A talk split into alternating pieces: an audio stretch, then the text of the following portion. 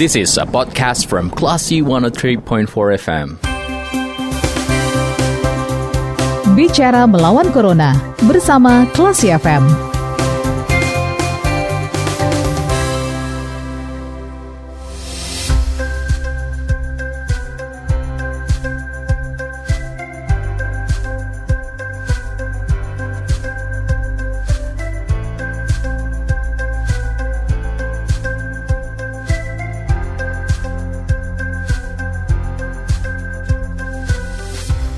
103,4 kelas FM, this is the actual radio. Classy People saatnya Anda mencermati program Bicara Melawan Corona bersama saya, Radi Pranata. Nah, kali ini kita akan ngobrol bersama dengan mantan Wakil Menteri Pendidikan Classy People. Beliau ini sekarang juga menjabat sebagai Rektor Universitas Baitur Rahmah. Ada Profesor Dr. Insinyur Haji Musliar Kasim yang sudah tersambung bersama kita via telepon saat ini. Kita sapa dulu. Assalamualaikum, Prof. Musliar. Waalaikumsalam warahmatullahi wabarakatuh. Hari ini kabar sore. Sore, Randy. Prof. Ya. Kabarnya hari ini sehat, Prof? Alhamdulillah, Randy. Alhamdulillah. Sehat. Alhamdulillah juga sehat, Prof. Dan ini kita akan mendapat informasi bahwasanya Prof uh, Musliar ini Classy People uh, sempat uh, terinfeksi COVID-19 ya, Prof. Ya, tapi sekarang sudah dinyatakan sembuh, Prof? Ya, saya uh, terinfeksi itu hmm. uh, dinyatakan positif itu tanggal 1 Oktober yang lalu. Oh oke. Okay. Hmm. Uh, sempat dirawat uh, satu minggu, hmm. dan saya tidak bergejala, Randy. Berarti tidak ada semacam pilek atau mungkin uh, indera perasa yang tiba-tiba hilang, nggak ada, Prof? Tidak, tidak. Seperti biasa tidak ada, dan saya tidak menyangka juga akan hmm. uh, positif. Okay. Karena awalnya uh, yang positif itu menantu saya. Mm-hmm. Okay. Orang-orang Semen Padang juga anak Pak Sri. Mm, Oke, okay, Prof. Uh, dia bekerja dokter, dia bekerja di puskesmas. Mm-hmm. Dia bekerja di puskesmas. Uh, Riri yang positif. Mm-hmm. Ketika uh, Riri ketahuan positif, kami sepakat dua keluarga ini di di apa di swab, ya, di swab mm-hmm. keluarga Pak Asri dan keluarga saya. Dilala dari kedua keluarga itu saya justru yang positif, yang lain-lain ah, tidak. Okay. Padahal kalau hmm. di dihitung kontaknya tentu lebih banyak kontaknya dengan uh, adik-adiknya Riri hmm. atau kalau dengan saya tentu dengan istri saya. Hmm. Dengan saya tentu tidak terlalu dekat uh, kontaknya ya paling-paling ketika kita menimang anaknya dari pangkuan dia paling-paling hmm. itu. Nah, tapi ketika uh, itu saya kaget juga hmm. diberitahu oleh Pak Andani uh, kepala lab uh, infeksi uh, Kesandalas hmm. itu jam 11 malam jam 11 malam karena Riri itu positifnya tanggal 31 okay. 31 uh, langsung masuk rumah sakit hmm. uh, waktu itu juga lalu kita putuskan uh, September 30 September 30 okay. September beda dua hari ya berarti ya Prof ya beda dua hari -hmm Nah, karena seperti itu kita positif diputuskan untuk di swab ya hmm. saya dinyatakan positif. Nah, akhirnya kami uh, tentu kaget juga ya hmm. kok tiba-tiba saya yang positif tidak merasa apa-apa. Uh, tapi ya karena hasil yang seperti itu kita uh, minta saran kepada Pak Andani. Hmm. Pak Andani katanya terserah Bapak uh, mau diisolasi di rumah karena tidak bergejala tidak apa-apa. Hmm tapi uh, sarannya lebih baik di rumah sakit bisa kita pantau. Okay. Akhirnya saya pilih rumah sakit Unan waktu itu, Randy. Hmm, baik. Nah, uh, ya. Prof, ini kan berarti dari di di dalam rumah hanya Prof dan tadi yang yang pertama kali terinfeksi itu ya, Prof ya? Ya, Riri, Riri, Riri kan tinggal di rumah dia, di rumah Pak Riri. Uh yang di rumah saya hanya satu-satunya saya. Oke, okay, satu-satunya hanya Prof Muslir. Cuman ya, ya. Uh, mungkin pernahkah mungkin uh, Prof menanyakan hal ini kepada Dokter Andani atau mungkin meng menganalisa gitu, Prof? Kenapa bisa di rumah itu misalnya hanya Prof yang kena? Uh, ah, ya, jadi infeksi? ketika itu, ketika itu dianalisis kan ada apa namanya uh, nilainya itu. Hmm. Saya justru uh, dari hasil itu saya lebih duluan uh, kena infeksi dibandingkan diri. Jadi oh, saya tidak tertular oleh Ridi sebetulnya. Berarti sebenarnya uh, Prof yang pertama kali uh, terkena gitu ya Prof ya? Iya, dan hmm. saya tidak dari hmm. dari Ridi sebetulnya hmm. uh, dapatnya. Hmm. Nah, saya heran juga, saya termasuk orang yang taat memakai uh, mengikuti protokol kesehatan. Hmm. saya masih ke kantor di Beturama, mm-hmm. uh, Rama, tapi saya kan ruangan sendiri, tidak ada staf di ruangan saya. Mm-hmm. Uh, selalu pakai masker dan kami sudah siapkan di Beturama itu uh, wastafel cuci tangan di luar, mm-hmm. kemudian di dalam ruangan uh, kalau ada orang harus pakai cuci tangan dan ada hand sanitizer, mm-hmm. jarak kita beri tanda. Saya kaget juga di mana kok bisa kena seperti ini. Yeah. Tapi saya memang uh, ke masjid uh, saya ke masjid di sini saya juga mm -hmm. di ke masjid. Tapi kedua masjid tempat saya sholat itu itu kami atur jarak dan selalu diumumkan agar pakai masker. Mm -hmm. Tapi tentu tidak semua orang pakai masker ya. Mm -hmm. Karena orang uh, masjid apalagi masjid kalau orang tidak pakai masker tidak mungkin kita larang dia untuk tidak uh, sholat di situ. Jangan-jangan mm -hmm. di situ.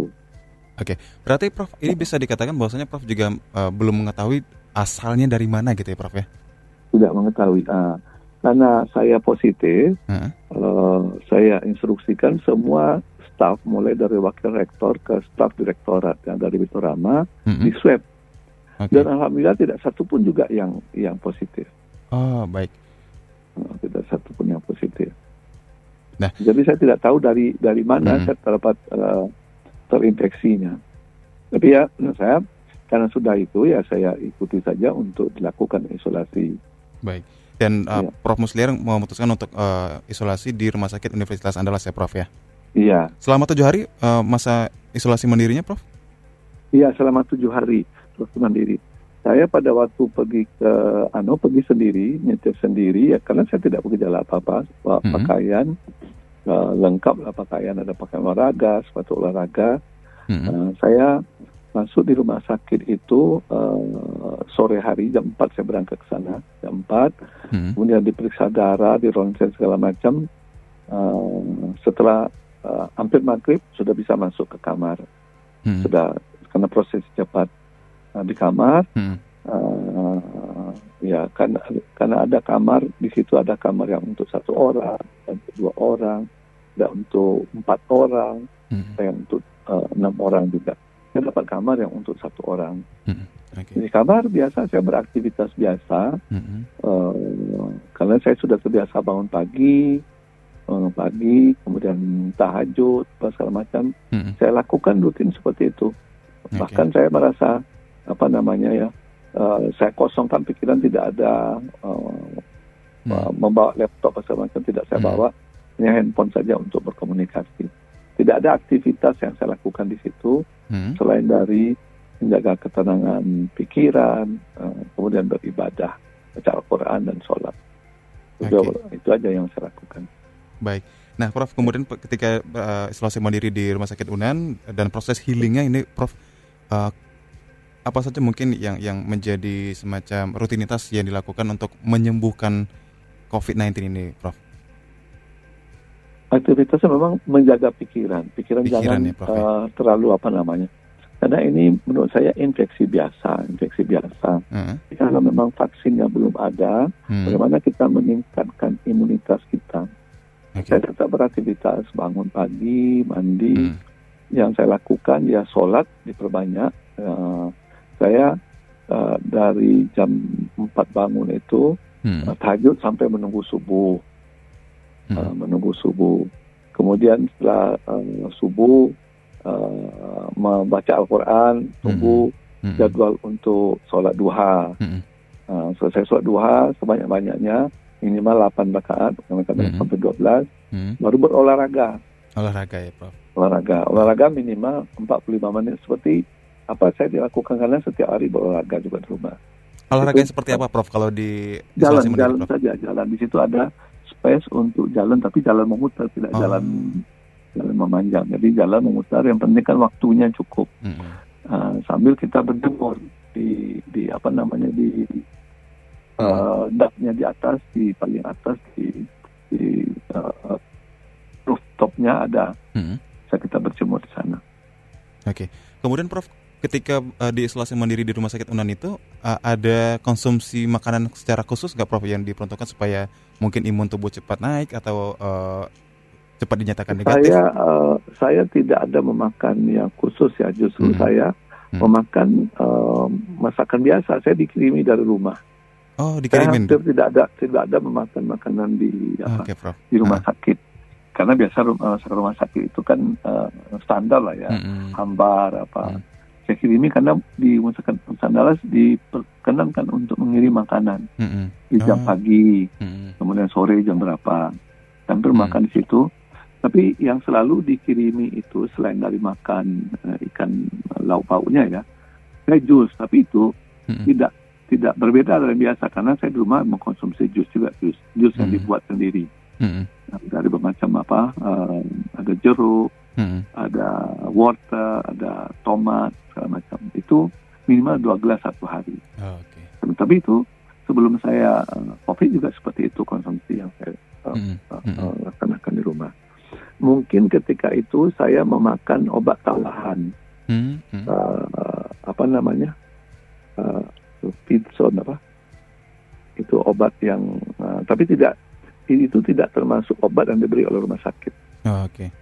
Nah, itu, itu bukan referensi yang dokter baca gitu ya, uh, Prof ya? Iya, iya. Okay. Nah, kemudian juga ada obat-obat apa obat Cina itu yang dikirim oleh teman saya makan juga, mm -hmm. karena ya rasanya uh, kalau tidak ada efek saya makan saja.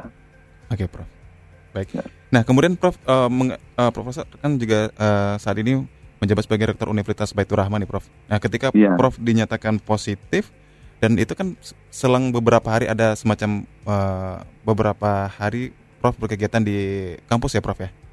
Iya. Nah itu mempengaruhi kebijakan kampus nggak Prof yang yang uh, Prof Musliar pimpin? Uh, mungkin mulai dari penerapan prokesnya atau bagaimananya Prof? Mempengaruhi nggak? Kita, kita ini sebelum itu sudah mengikuti protokol uh, COVID karena kami hmm. buat bulan Maret itu uh, yang pertama kami ambil sikap kami membuat COVID Center Turama yep. hmm. uh, yang yang memberikan edukasi kepada masyarakat, membuat hand sanitizer sendiri, hmm. membuat masker, membagikan justru hmm. ke masyarakat. Oh, Dan kita uh, kumpulkan juga donasi uh, di kampus untuk membantu uh, masyarakat di sekitar kampus uh, hmm. dan security serta sopir uh, yang terayek dari Pasaraya ke Air Paca kita beri mm -hmm. bantuan. Nah, kami sudah mengenalkan protokol itu, sudah ada apa namanya, sudah ada uh, wastafel kita buat sebelum saya kena itu karena mm -hmm. saya kena itu kan Oktober. Oktober. Uh, COVID ini kan sudah sejak Maret kita sudah membuat aturan-aturan yang ketat, tempat duduk tidak boleh berdekatan. Mm -hmm. uh, kalau kita daring juga kalau ada orang yang berkonsultasi ke kampus Mm-hmm. Padahal sebelum itu kami membuat uh, kebijakan bahwa pegawai itu uh, setengah yang masuk gantian. Uh-uh.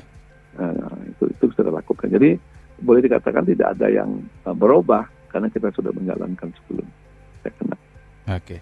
Nah, ya. kemudian yang terakhir nih Prof. Ini kan Prof uh, Muslir bisa dikatakan uh, proses penyembuhannya singkat ya Prof ya karena seminggu da isolasi mandiri kemudian sudah dinyatakan negatif.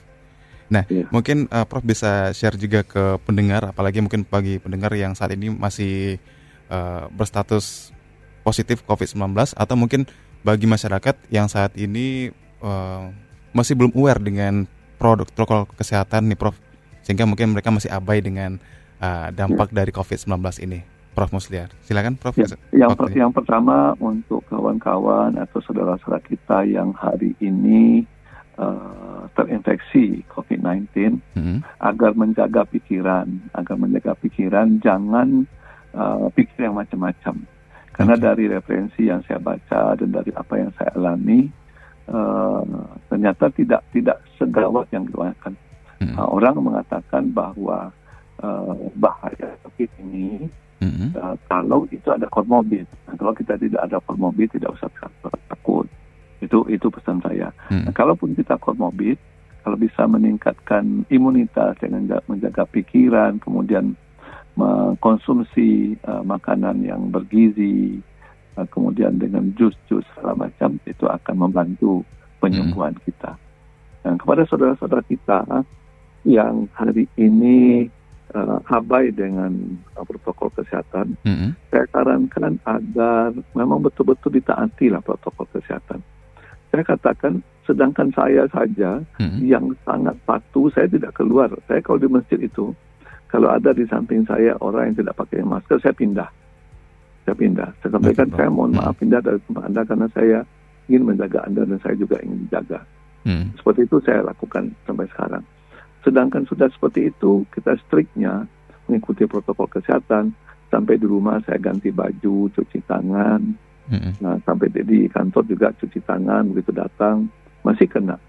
Nah, apalagi kalau kita tidak mengikuti protokol kesehatan. Nah, supaya kita bisa memutus rantai COVID-19 di Kota Padang dan Sumatera Barat, mari kita ikuti uh, protokol kesehatan bahwa COVID-19 itu memang ada, mm-hmm. memang ada. Ya. Karena masih ada juga orang yang uh, tidak percaya iya, bahwa iya, benar, Prof. Uh, uh. COVID-19 itu tidak ada, hanya uh. apa konspirasi. Konspirasi. Orang sudah meninggal dan segala macam, orang hmm. sakit.